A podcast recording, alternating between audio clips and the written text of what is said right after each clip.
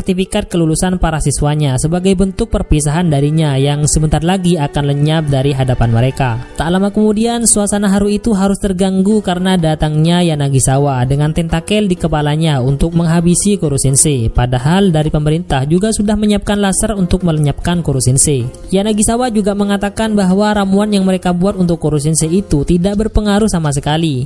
Dia berharap usaha yang dilakukan para siswa itu sia-sia dan membuat mental mereka turun sekaligus menghancurkan Koro Sensei. Tujuannya adalah untuk balas dendam kepada Koro Sensei. Mungkin karena Koro Sensei telah menghancurkan impiannya saat menggagalkan penelitiannya yang seharusnya menciptakan energi nuklir, tapi malah membuat makhluk seperti gurita ini. Kemudian dia menyuntikkan serum tentakel berkali-kali ke lehernya dan dia pun akhirnya menjadi monster yang sangat menakutkan. Kemudian Koro Sensei diserang habis-habisan olehnya. Kekuatannya sungguh luar biasa. Koro Sensei tak berdaya menghadapinya. Di tengah-tengah pertarungan itu, Yanagisawa masih saja